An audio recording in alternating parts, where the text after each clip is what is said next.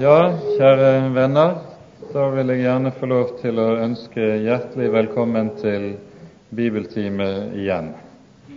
Vi fortsetter slik vi har begynt i kongebøkene, og kommer i dag til å ta for oss en nokså mye større bit av annen kongebok.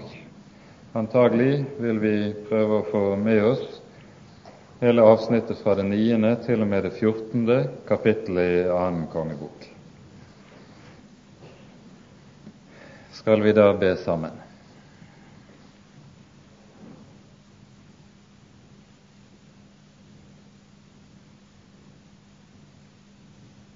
Kjære du vår Herre og du vår Far. Deg takker vi og lover vi for all din nåde imot oss. Takk, Herre, at du har sendt din egen sønn, for at han skulle bære all vår synd, og vi skal få lov til å bli dine barn i ham.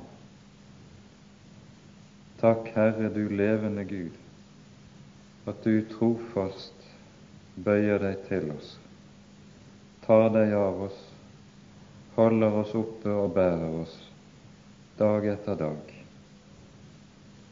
og at vi skal få lov til å regne med din arm og din hånd i alle ting. Nå ber vi, Herre, at du vil sende din ånd og komme og være til stede iblant oss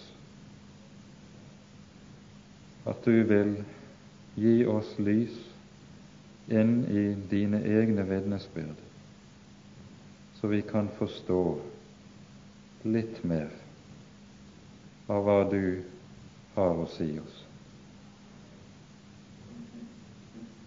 Herre, kom du og tal, og vær med min munn og min tanke, at det som er av deg, får lyde. I Jesu navn. Amen.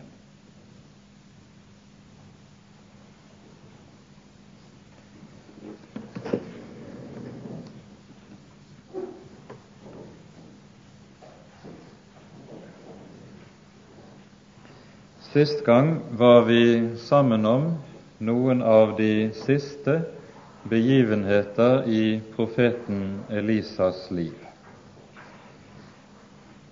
Og det er slik at når vi nå går over i åttende og niende kapittel i annen kongebok, så lakker Elisas liv mot slutten, og vi hører ikke meget mer om ham, bortsett fra et eget lite avsnitt noe senere, som også for øvrig er vanskelig å tidfeste. Men med at Elisas liv nærmer seg sin avslutning, hans gjerning avsluttes i Israel, så skjer også det at Israel som folk nå nærmer seg stupet med en faretruende fart.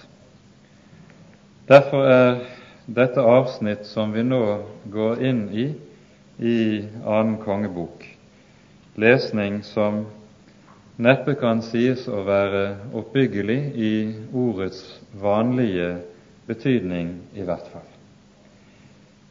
Det er, vi er med dette kommet inn i en periode i både Israels og Judas historie som vel må sies å være en av de aller mørkeste som vi overhodet støter på.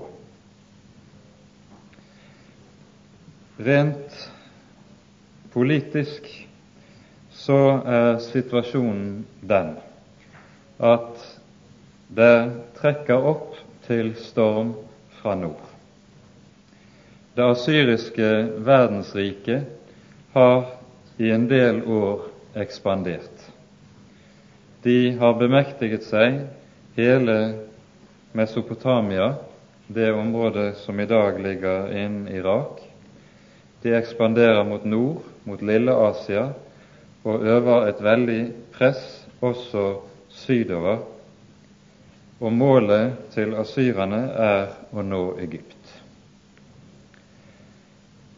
Mellom Israel og det asyriske verdensriket ligger Syria som en buffer, og syrerne er militært sett såpass sterke at de gjennom en hel årrekke makter å holde asyrerne stangen. På mange måter blir det da slik at Syria blir vernet for Israel og for Juda mot denne veldige militærmakten som bygges opp fra nord. Og denne klemmen som Syria da befinner seg i, idet de ligger mellom Assyria i nord og Israel og Juda i syd, det er det som bestemmer Syrias politikk overfor Israel. Fordi syrerne er avhengig av å ha trygge sydgrenser for å kunne mobilisere hele sin militære makt i nord mot asyrerne, så søker de i noen perioder fred og militære allianser med Israel for å makte presset fra nord. Og når Israel av ulike årsaker bryter ut av disse alliansene med syrerne, så angripes de umiddelbart av Syria med katastrofale følger for Israel.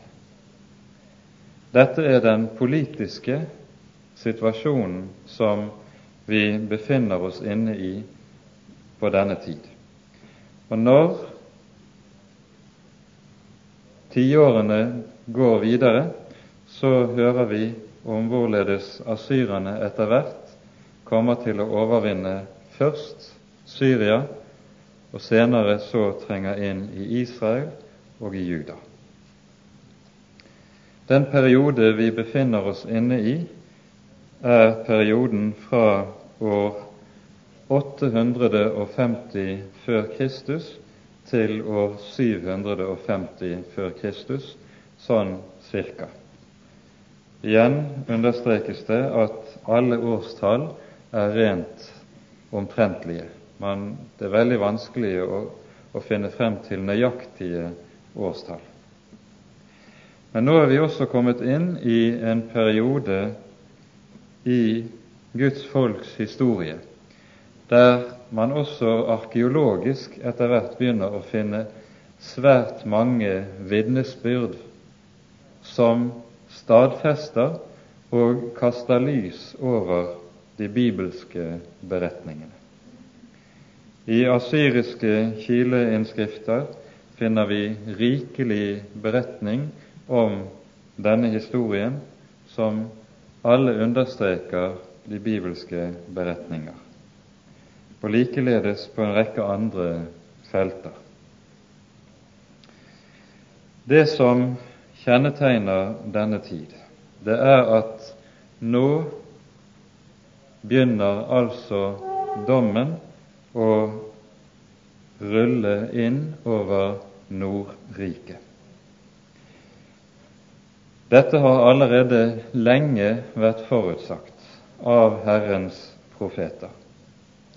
Og det som er så å si fokus og brennpunktet for Guds domsgjerning i første omgang, det er kong Akas, kong Akabs hus. Han er den som sammen med dronning Jesabel, som jo var en fønikisk, kananittisk prinsesse som han hadde giftet seg med, han er den som har innført Bals- og astartedyrkelsen som riksreligion i Nordriket, i Guds folk, og dermed ført frafallet til dets høyde, foreløpige høydepunkt. Dette som er skjedd i nord hos Akab, det har imidlertid også fått veldig sterke ringvirkninger i syd, i Juda, i Jerusalem, i det den fromme kong Josafats sønn Joram blir inngiftet i Akabs hus. Han får, antagelig av politiske grunner, Akabs og Jesabels datter Atalia til hustru. Og hun er sin mor opp av dage. Hun søker ved en tilsvarende sterk påvirkningskraft å bevirke nøyaktig det samme i Sydriket, i Jerusalem, som Jesabel har maktet å utvirke i nord. Og vi ser at hun når svært, svært langt på vei nettopp i denne retning. Noe som medfører at når først dommen bryter løs over Akabs hus, så rammer den også like hardt i Jerusalem og inn i Davids hus. Derfor er de kapitlene som vi nå skal ta for oss lesning som slett ikke er hyggelig lesning. Det er en bloddryppende historie i mer enn én forstand, i alt det som her skjer. Men noe av det som er hensikten med at disse kapitlene er kommet med i vår bibel, den, det er ganske bestemt. Det er å vise gjennom den hellige beretning hvorledes Gud lar sitt ord gjennom sine profeter stadfestes og oppfylles til punkt og prikke, inn i selv de minste detaljer. Spør vi nå hvilke ord det her er tale om, så finner vi det klart og tydelig gitt allerede i første kongebok. Og her er det to avsnitt det handler om. For det første finner vi i første kongeboks 19. kapittel beretningen om da Elias rømte for Jesabel og kom til berget Horeb i Sinai hvor Herren åpenbarer seg for ham, for så å sende ham tilbake til sitt folk med et ganske bestemt oppdrag. Vi leser fra vers 15 av. Da sa Herren til ham, Gå tilbake igjen og ta veien til ørkenen ved Damaskus, og gå inn i byen og salv Hasael til konge over Syria. Og Jehu, Nimsis sønn, skal du salve til konge over Israel. Og Elisa, Safats sønn fra Abel med Holah, skal du salve til profet i ditt sted. Og det skal gå så at den som slipper unna Hasaels sverd, skal Jehu drepe og den som slipper unna Jehus sverd, skal Elisa drepe. Men jeg vil la 7000 bli tilbake i Israel, alle som ikke har bøyd kne for Baal, og alle som ikke har kysset ham med sin munn.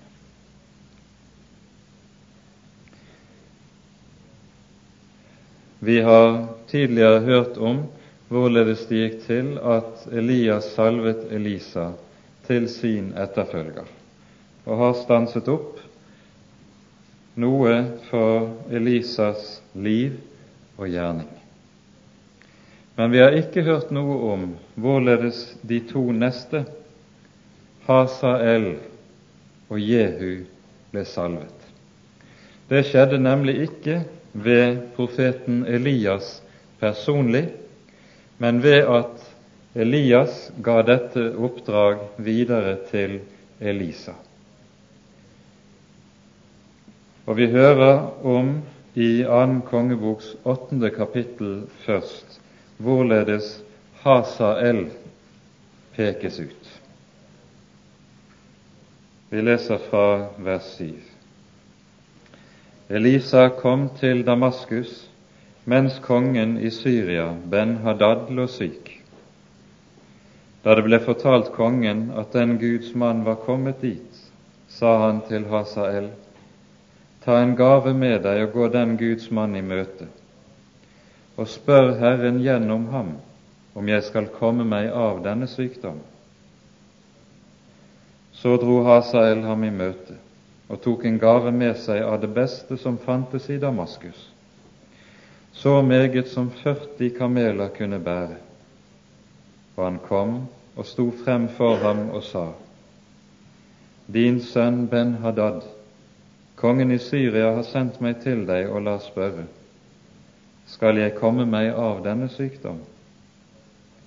Elisa svarte, Gå du bare og si til ham, du skal leve, men Herren har latt meg se at han skal dø. Så står det bemerket under verset at Elisa taler slik fordi han vet at Hasael vil lyve for sin herre konge uansett. Og den Guds mann holdt sine øyne festet på ham overmåte lenge og begynte å gråte. Da sa Hasael, Hvorfor gråter min Herre? Han svarte, Fordi jeg vet at du skal gjøre Israels barn meget ondt. Deres festninger skal du sette ild på, deres unge menn skal du drepe med sverdet deres små barn skal du knuse, og deres fruktsommelige kvinner skal du oppskjære. Hasael sa, Hva er din tjener, den hund, at han skulle gjøre så store ting? Elisa svarte, Herren har latt meg se deg som konge over Syria så forlot han Elisa og kom til sin herre, og han spurte ham, Hva sa Elisa til deg? Og han svarte, Han sa til meg at du skal leve. Men dagen efter tok han et teppe, dyppet det i vann og bredte det over hans ansikt, og han døde, og Hasael ble konge i hans sted. Med Hasael er det nå kommet en krigerkonge på tronen i Syria, som var en av de kraftigste herskere Syria hadde. Og Han var den som militært, i kraft av et høyt utviklet militært geni, nettopp maktet både å holde Asyria stangen, samtidig som han ble vredens ris over Guds folk. Vi ser dette allerede om vi hopper til det tiende kapittel og ser i det 32. verset.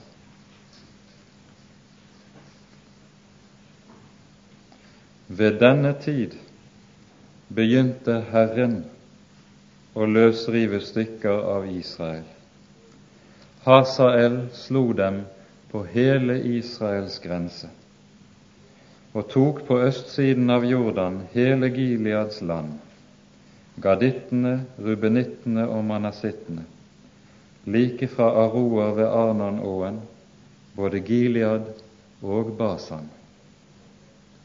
Og Dette betyr i praksis at Israel, at Nordriket, mister mellom en tredjedel og halvparten av sitt landområde.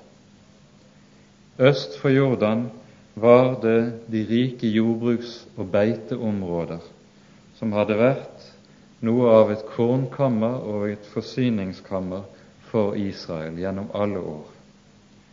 Med tapet av disse områdene utarmes Israel i vesentlig grad.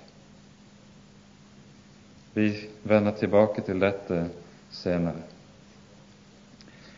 Så skjer også det at Jehu salves til konge i Israel. Og på ny bevirkes dette ved Elisa, eller et, i hvert fall i indirekte forstand. Vi leser i det niende kapittel fra første vers. Nå er det Akabs sønn Joram som sitter på tronen i Nordriket.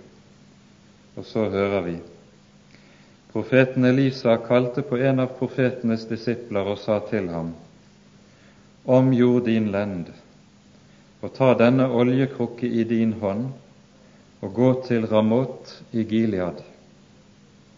Når du kommer dit, skal du oppsøke Jehu, sønn av Nimsis sønn Josafat, og så gå inn og be ham stå opp der han sitter blant sine brødre, og før ham inn i det innerste kammer. Ta så oljekrukken og hell den ut over hans hode, og si, Så sier Herren, Jeg har salvet deg til konge over Israel. Så skal du åpne døren og flykte og ikke dryge. Så gikk den unge mann, den unge profet, til Ramot i Gilead. Og da han kom dit, så han Hærens høvedsmenn sitte der, og han sa, Jeg har noe å si deg, høvedsmann. Da sa Jehu, Hvem av alle oss her? Og han svarte, Deg, høvedsmann. Da sto han opp og gikk inn i huset, og han helte oljen ut over hans hode og sa til ham, Så sier Herren, Israels Gud, jeg har salvet deg til konge over dette folk, over Israel. Du skal gjøre ende på din herre Akabs hus, for jeg vil hevne mine tjenere profetenes blod og alle Herrens tjeneres blod på Jesabel. Og hele Akabs hus skal gå til grunne. Jeg vil utrydde alle menn av Akabs ett både myndige og umyndige i Israel. Jeg vil gjøre med Akabs hus som med Jeroboams, Nebats sønns hus, og med Besas, Akias sønns hus. Og Jesabel skal hundene fortære på Israels mark, og ingen skal begrave henne. Så åpnet han døren og flyktet. Da Jehu kom ut til sin herres menn, spurte de ham, Står alt vel til? Hvorfor kom denne gale mann til deg? Han svarte, Dere kjenner jo mannen og hans underlige tanker. Men de sa, Du taler ikke sant. Si oss hva det er. Da sa han, Så og så talte han til meg og sa, så sier Herren, Jeg har salvet deg til konge over Israel. Da skyndte de seg og tok hver sin kappe og la dem under ham på trappetrinnene. Og de støtte i basunen og ropte, Jehu er konge. Således fikk Jehu, sønn av Nimsis sønn Josafat, en sammensvergelse i stand mot jorden. Joram hadde med hele Israel ligget på vakt ved Ramot i Gilead mot kongen i Syria, Hasael. Det som her er situasjonen, er at de to svogre, kong Joram i nord, som er Akabs sønn, har inngått allianse med sin svoger i syd, som også heter nei, som er sønn av Joram, og som heter Akasha. Joram i Sydriket var jo gift nettopp med Atalia. Og disse er altså nå nær forbundet med nære familiære bånd, Og det som tydelig har vært Jorams politikk, er å søke å binde Sydriket så nær til seg at de kunne klare å demme opp mot Syria i nord. Og Dette ser vi har delvis lykkes i det de har maktet å ta tilbake det viktige militære knutepunktet mot Syria på østsiden av Jordan, nemlig Ramot i Gilead. Men under kampene der var kong Joram blitt såret, og han var reist ned til Israel, som var eh, kongens sommerresidens, som lå et stykke nord, lenger syd da, men som lå relativt høyt, som det bør på svale og kjølige forhold, i, i hvert fall i forhold til det som var i Samaria, som var hovedstad. Der ligger Joram til sengs, og kong Akasha har reist ned for å ledsage ham mens han venter på å bli bedre. Og her, mens dette er situasjonen, er det altså at Jehu salves. Nå begynner altså det å rulle som ble talt til Elias allerede flere år tidligere på Horeb. Og Dermed kommer det annet domsord inn, som også var talt av Elias mange år tidligere.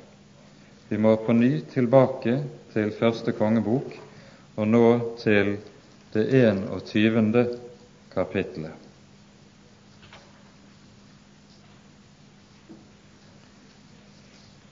Den endelige dom over Akabs hus blir nemlig uttalt av Elias i forbindelse med denne episoden da Akab efter Jesabels råd fikk myrdet Nabot og tilranet seg Nabots eiendom, som han hadde så veldig trang til å eie.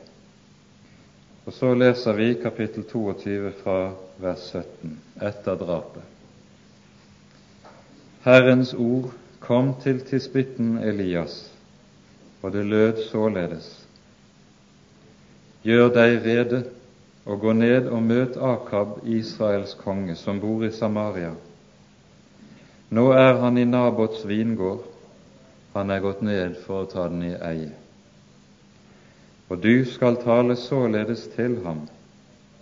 Så sier Herren, har du nå både myrdet og arvet? Og du skal si til ham, så sier Herren, på det sted hvor hundene slikket nabots blod, blod, skal hundene også slikke ditt blod. Men Akab sa til Elias, Har du funnet meg, du min fiende?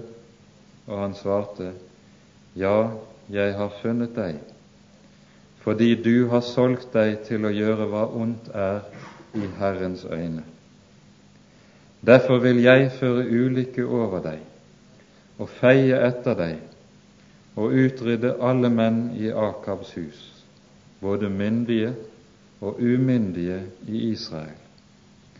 Og jeg vil gjøre med ditt hus som med Jeroboams, Nebats sønns hus, og med Besas, Akias sønns hus, fordi du har vakt min harme, og fordi du har fått Israel til å synde.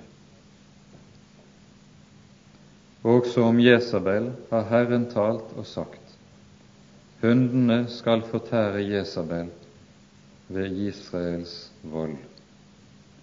Den av Akavs hus som dør i byen, skal hundene fortære og den som dør på marken, skal himlenes fugler fortære. Det har aldri vært noen som Akab, han som solgte seg til å gjøre hva som ondt var i Herrens øyne, fordi hans hustru Jesabel egget ham. Hans ferd var overmåte vederstyggelig. Han fulgte de motbydelige avguder aldeles som amorittene hadde gjort. de som Herren drev bort for Israels barn. Her tales den endelige dom over Akab. Og vi merker oss også hele hans hus. Dette er det som nå iverksettes av Jehu, og som vi leser om videre i det niende og det tiende kapittel. Jehu var den øverste av kong Jorams offiserer, den som var hærfører. Og han var det vi vel må kalle en råbarket soldat. Han kjenner fint lite til både skrupler og vi merker fint lite av finfølelse hos ham. Rå makt, rå brutalitet er det som behersker ham i alt hva han gjør. Og han innfører også et brutalt militærdiktatur, ville vi kalle det for, i Israel, som også opprettholdes på tilsvarende måte av hans sønner som følger etter ham. Det er tunge dager Israel nå går inn i. Og vi tar oss tid til å lese noe videre i det niende kapittel. Vi leser fra vers 15. Selv var kong Joram vendt tilbake for å la seg lege i Israel, for de sår syrerne hadde slått ham da han stred mot Syrias konge Hasael. Og Jehu sa, Hvis dere så synes, så la ingen rømme og slippe ut av byen, så han kunne gå av sted og kunngjøre det i Israel. Så steg Jehu opp i sin vogn og dro til Israel, for Joram lå syk der, og Judas konge Akasha hadde dratt ned der for å se til Joram.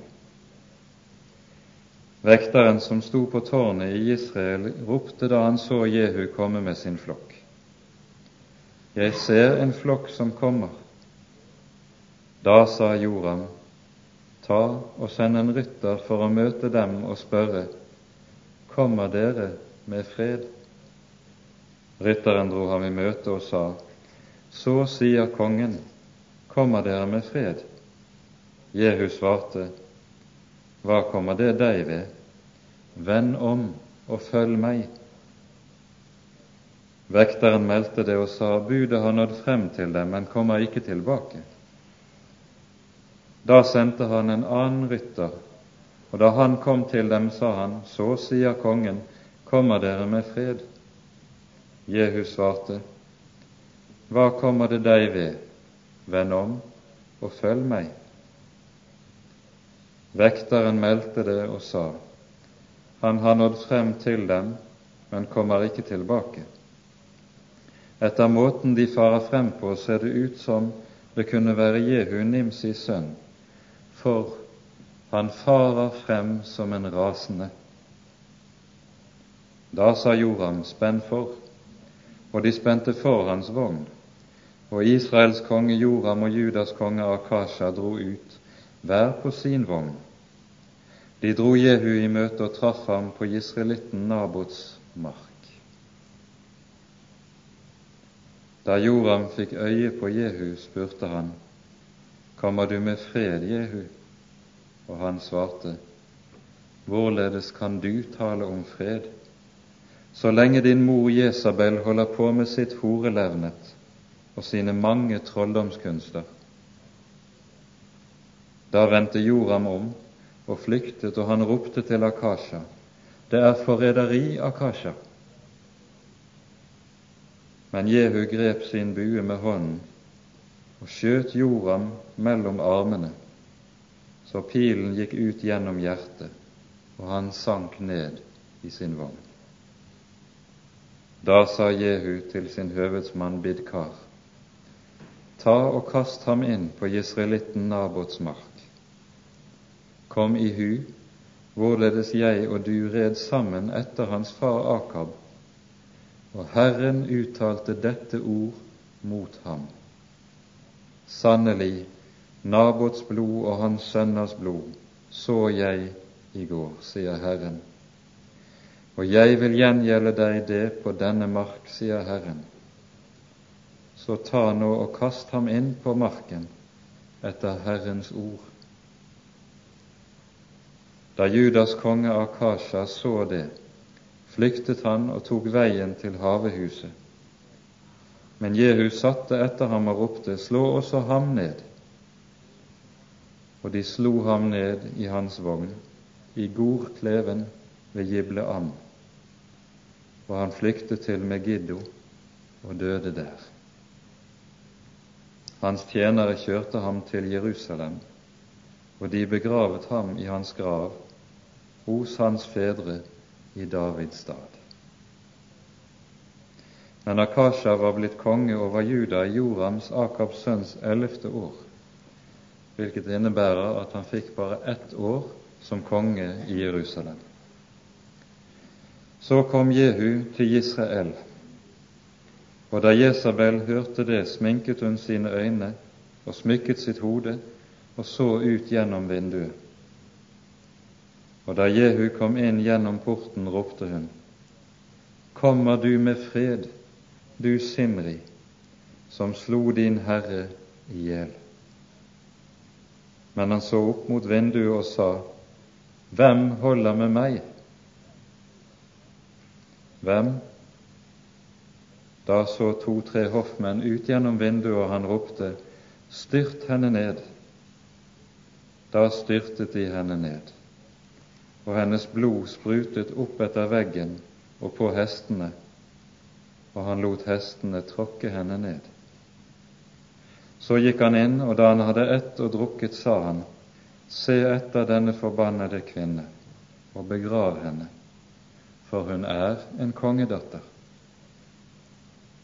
Men da de gikk av sted for å begrave henne, fant de ikke annet av henne enn hjerneskallen og føttene og hendene. De vendte tilbake og fortalte ham det, og da sa han, Dette er det ord som Herren talte gjennom sin tjener til spitten Elia, da han sa, På Israels mark skal hundene fortære Jesabels kjøtt, og Jesabels lik skal bli som møkk på jorden, på Israels mark, så ingen skal kunne si, Dette er Jesabel.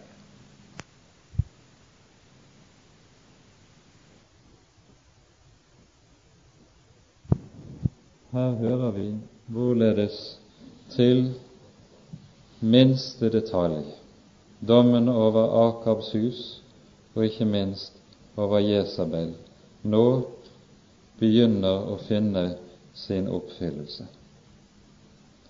Det er ikke så mye vi skal kommentere i denne teksten, annet enn at de ord som Jesabel taler til Jehu ved denne anledningen. De kommer til samtidig å utgjøre noe av årsaken til at han fortsetter å fare frem som han gjør. Vi leste jo i det tyvende verset det ser ut til å være Jehu Nimsis sønn, for han farer frem som en rasende. Dette er en meget treffende karakteristikk av Jehus person. For det er nettopp som en som farer frem som en rasende. Vi møter ham i de følgende avsnitt i Skriften. Det er ingen nåde, det er ingen skånsel, det er ingen hensyn hos Jehu. Jesabel sier nemlig til Jehu kommer du med fred, du Simri, som slo din herre i hjel. Ved å nevne Simri så minner hun Jehu om hvorledes det var gått en tidligere kuppmaker i Israel. Han som nemlig gjorde ende på Jeroboams hus, som vi leser om i det 16. og 17. kapittel i første kongebok. Simri gjorde ende på Jeroboams hus, men fikk beholde kongemakten kun i syv dager, fordi han sto for svakt til å beholde makten. Og nettopp dette er også Jehus problem. Han har hatt en stor del av hæren under sin kontroll der i nord. Men allikevel, i Samaria ligger hovedstyrken. Der er kongens livgarde, der er, holder alle de mektige i landet til, og han vet at det vil være helt fåfengt av han å drar til Samaria for å prøve å gripe makten der. I stedet han er, handler han raskt og på karakteristisk måte både meget slu og viser stor handlekraft.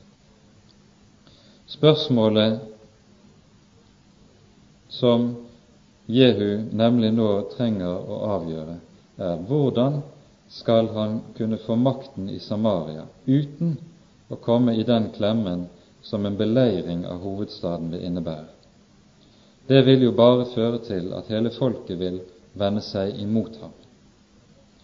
Sannsynligvis har det vært slik at folkestemningen i Nordriket har, har vært vendt positivt imot en mann som Jehu, fordi det ganske naturlig må ha forekommet folket som noe som var utålelig, at en fremmed dronning som Jesabel skulle sitte med makten og samtidig ha et slikt voldsregime som hun på mange vis hadde.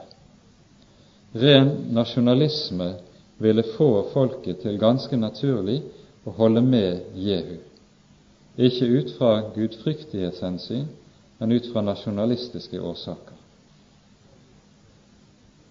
Hva gjør så Jehu?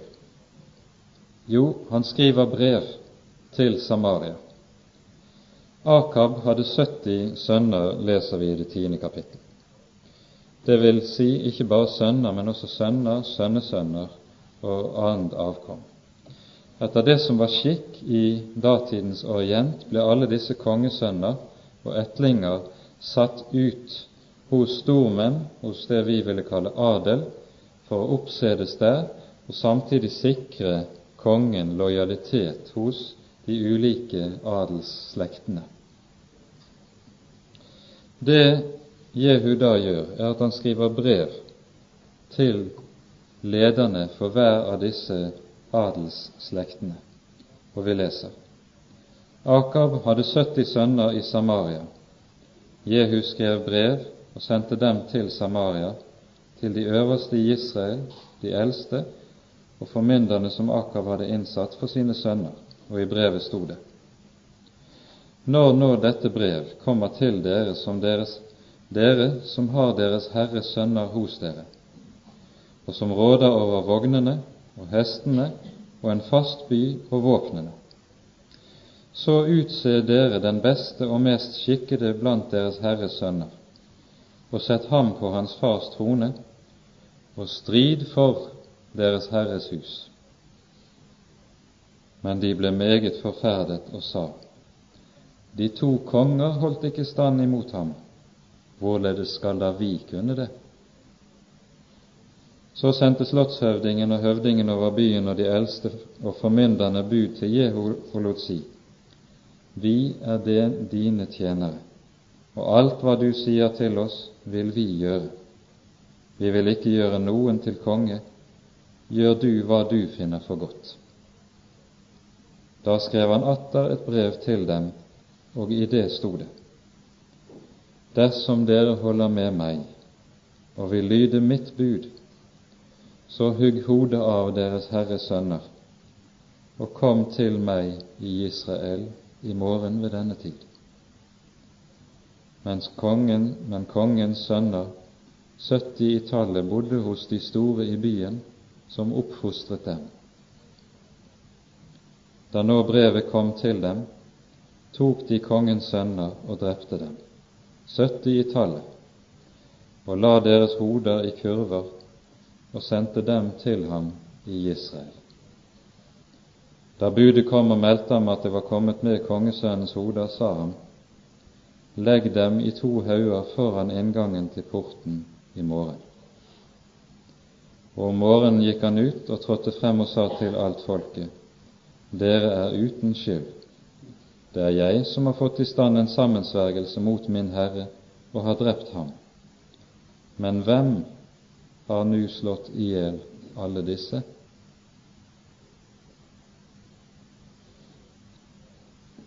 Det Jehu her legger for dagen, det er jo en forferdelig og bloddryppende historie. Det er en veldig politisk kløkt. For det han gjør, det er for det første å utrydde hele Akabs hus. Det vil si at han sørger for at alle mulige etterkommere som kunne søke å hevne sin far og sin fars hus, blir borte. For det andre sørger han for å få tallrike medskyldige. Han er ikke alene om forbrytelsen. Og i og med at disse blir medskyldige i alt dette som her skjer, så sikrer han seg dermed også disses lojalitet. Og dermed kan han sitte nokså sikkert i sadelen. Det vi må si om Jehu i alt det han gjør, det er at han fullbyrder Guds dom over Akabs hus. Jehu er Guds redskap i denne gjerning, forferdelig som det er. Men han er ikke Guds tjener. Og de to ting gjør vi vel i å holde atskilt for Han som er Herre, kan i sin allmakt anvende alt til sine redskaper og i til sine formål, ganske uavhengig av om det er han slike som tjener ham av hjerte eller ei. Jehu er Herrens redskap, men aldeles ikke Herrens tjener. For måten han farer frem på, viser at han bruker det kall Herren har gitt han i Israel, til egen fordel. Bruker det kall han har fått, som anledning for egen makt brynde, Og på sin forferdelige og brutale måte får han ryddet plass for seg og for sin slekt. Vi leser videre i dette kapittelet om hvorledes han også gjør ende på Baals dyrkelsen i Israel. Og han farer ikke mindre blodtørstig frem i det stykket, og med samme slags svik som han for frem mot Akabs sønner, gjør han det mot Balsprestene. Og det er vel ikke urimelig at den nasjonale stemning har vært slik på dette tidspunkt at den har vendt seg mot Jesabel, og derfor ville Jehu også ha noenlunde støtte i folket for å rive ned både Bals tempel, Bals alter og utrydde alle Bals prester. Det er nasjonalismen som på mange måter er drivkraften i Jehus blodige revolusjon. Men det er ikke gudsfrykten. Og det ser vi i det som vi hører når Jehus regjering likesom skal sammenfattes i en sønn. Vi leser i vers 28 og 29 i det tiende kapittelet. Således utryddet Jehu Baal av Israel. Men fra Jeroboams Nebats sønns synder, som han hadde fått Israel til å gjøre, vek Jehu ikke fra gullkalvene i Betel og i Dan. hvilket viser at hele Jehus omvendelse ikke er en reell omvendelse. Det er en rent Han vil så å si bare gjeninnføre den gamle nasjonalreligion som Jeroboam hadde innført, og som vi leste om i det 12. og 13. kapittel i første kongebok. Det Jeroboam gjør, det er jo nettopp i det Gud skiller Nordriket fra Sydriket og gjør, reiser opp Jeroboam som konge i nord. Så innstifter Jeroboam dyrkelsen av gullkalven i Betel og i Dan helt på nordgrensen i riket. Og dette blir Israels store snublesten, som fører Israel i ulykken. Og fordi denne Jehus tilbakevending til gamle, den gamle Israels nasjonalsynd altså legger for dagen at det ikke er noen reell omvendelse vi møter, hos ham, så er det vi også begynner å møte det vi hørte fra vers 32. Ved denne tid begynner Herren å løsrive stykker av Israel. Hasael slo den på hele Israels grense. Jehu slo Akabs hus, men Herren slår Israels hus. Og da må vi spørre hva er det denne fryktelige dom over Akabs hus egentlig har for budskap? For et budskap har det. I dette ligger det et budskap til hele Guds folk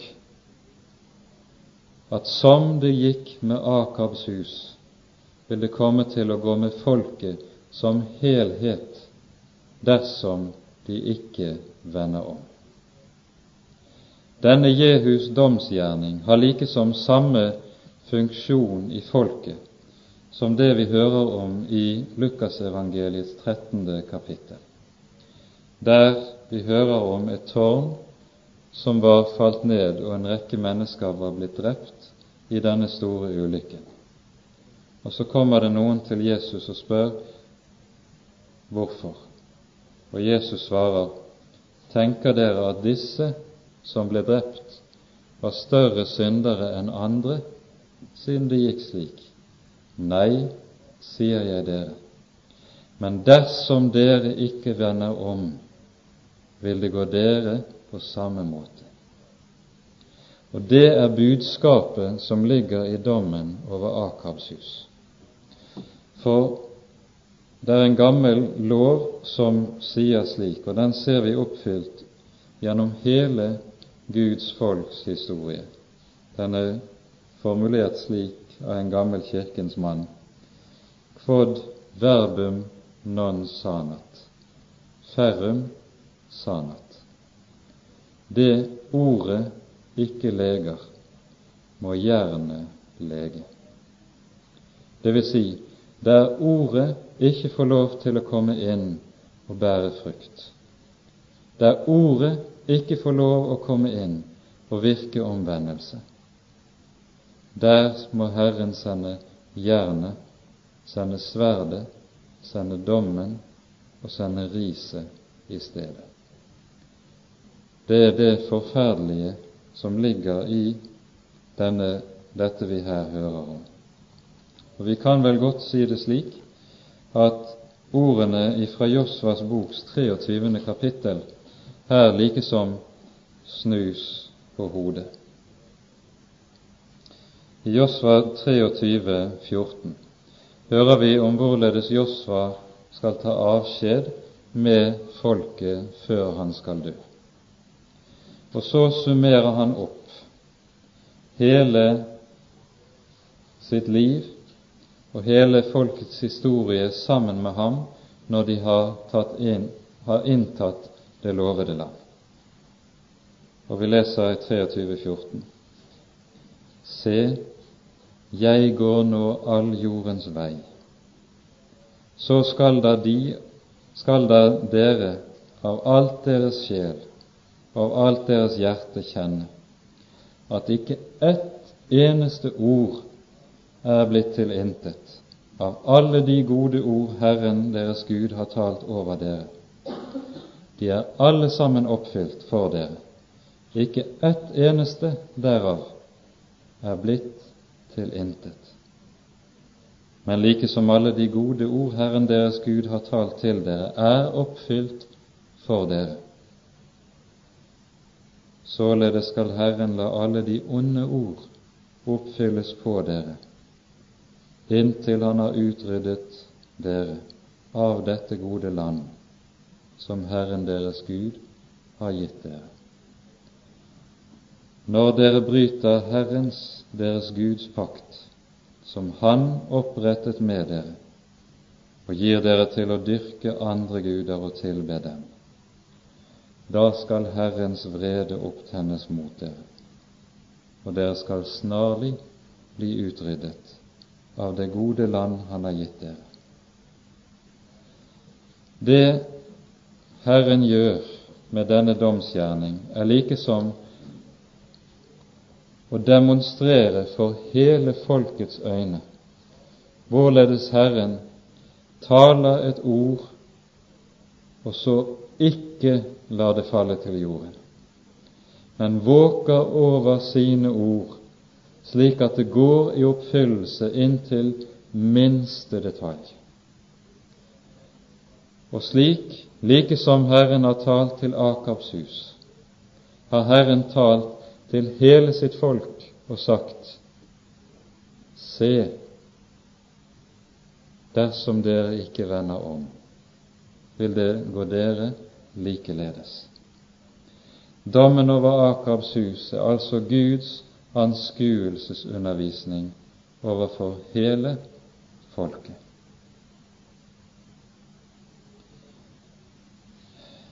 Vi så i det tiende kapittel i 32. vers at så begynner tuktens ris å bli svingt over Israel.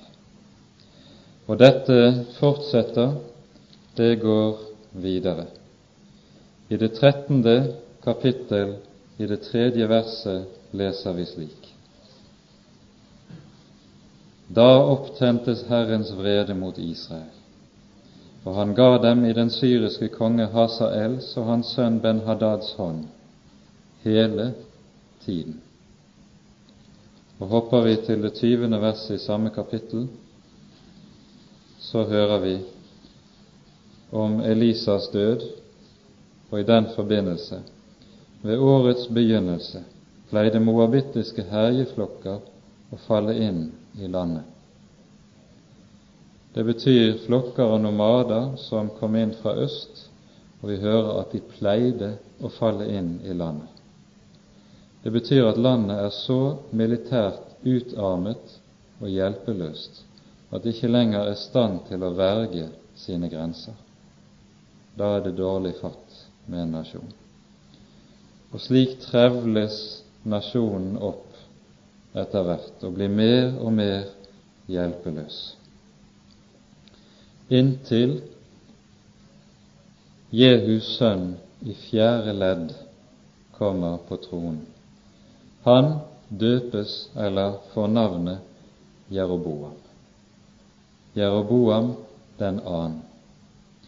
Og med Jeroboam den annen kommer også Israels siste nådetid. Han hersker fra ca. år 787 før Kristus til 747. 41 år befinner han seg på tronen. Han vinner tilbake alle de tapte områdene og trygger Israel militært men dette er Israels siste nådetid. Og vi leser i vers 25 om ham.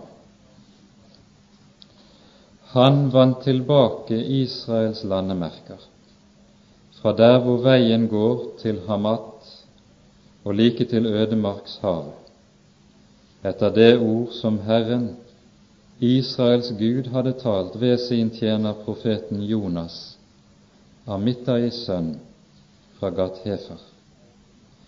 For Herren hadde sett at Israel var stett i bitter nød, og at det var ute både med små og store, og Israel hadde ingen hjelper. Og Herren hadde ikke sagt at han ville utslette Israels navn under himmelen. Derfor frelste han dem ved Jonas, ved Jeroboam, Joas sønn. Disse 40 år blir Israels siste blomstring. Etter Jeroboam dør, går det raskt, meget raskt, mot stupet. Og her møter vi profeten Jonas for første gang i vår bibel. Og vi skal merke oss hans budskap som står her, har en meget sentral betydning i Skriften. For her sier Herren enda ikke kommer dommen. Enda er det nåde, enda er det nådetid. Om enn tuktens ris har vært hår, hårt over folket. Jonas er antageligvis en av Elisas og Elias disipler fra deres, en av deres profetskoler, som vi har vært inne på tidligere. Neste gang vi møter Jonas i vår bibel, er når Herren sender ham for å tale til Ninive. Og det har en veldig betydning at det nettopp er Jonas som sendes til Ninive. For i og med Jonas' sendelse til Ninive sier Herren til Israel, nå flytter jeg lysestaken. Nå sendes mitt ord til hedningene. At han som nettopp hadde forkynt for Israel den siste nådens tid, sendes til Ninive, det er budskapet om at lysestaken flyttes. Og nå kommer, begynner virkelig stormens tid å komme inn over Israel i nord. For nå brytes den syriske makten ned. Presset fra Asyria er blitt så sterkt at det ikke går mange årene før Syria ligger i ruiner. Og nå, i det asyriske verdensrikes tid, er det at vi begynner å se de profeter tre frem som vi kaller skriftprofetene. De fra hvilke vi har gjengitt i vår Bibel egne bøker fra deres hånd. Under Jeroboam i nord virker Amos, Hosea som de to fremste profetene, mens Jonah sendes til Ninive. Jonah også fra nord. I syd, i samme perioden, fremtrer de tre store profeter. Joel som den første, som skriftsprofetiens grunnlegger, og så, nokså snart etter ham, trer profeten Mika og Jesaja frem i Jerusalem og utfører sin veldige gjerning, som vi har bevart til våre egne dager. Og når vi nå skal gå videre utover gjennom kongebøkene, går vi inn i en tid i Guds rikes historie og i en periode i Skriften der vi skal prøve å se sammenhengen nettopp mellom disse profetenes skrifter og de historiske skriftene i kongebøkene og krønikebøkene som de er overgitt oss i vår Bibel. For det er uhyre viktig for en rett forståelse av profetenes skrifter at vi nettopp forstår hvorledes deres gjerning og budskap går inn i deres samtid.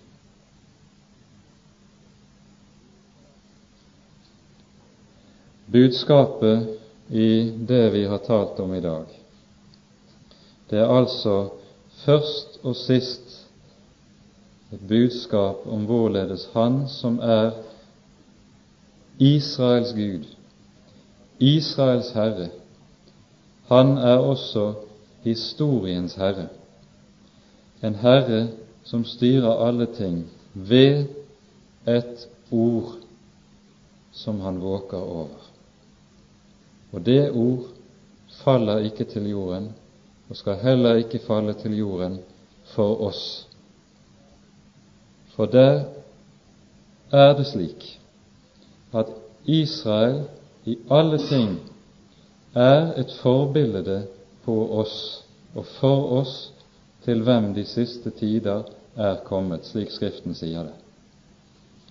Og så sier Jesus om disse tider himmel og jord skal forgå, men mine ord skal aldri i evighet forgå. Og så taler han om våre tider og om vår historie. Og det er ikke andre lover som gjelder for oss og for historien i vår periode enn det var for Israel i deres tid. Dette kan kanskje ikke synes som så veldig oppbyggelig i ordets vanlige forstand, slik vi sa det. Men det kan være meget viktig for oss for vår egen del når Jesus taler om å våke og gi akt på tiden og på tidens tegn, at vi da gjør det nettopp med det i minne. Hvem det er som er Herre, hvem det er som råder, og at vi ikke, om det enn er slik at vi ikke forstår og alltid skjønner hvorledes Han styrer alle ting, fordi vi ikke ser Hans hånd, ikke skjønner Hans hensikt, så står det dog like fast at Hans ord skal oppfylles, at ikke ett av dem skal falle til jorden. Og Derfor er det også slik at det er bare dette ord vi har å bygge på så lenge vi lever her i verden. Amen.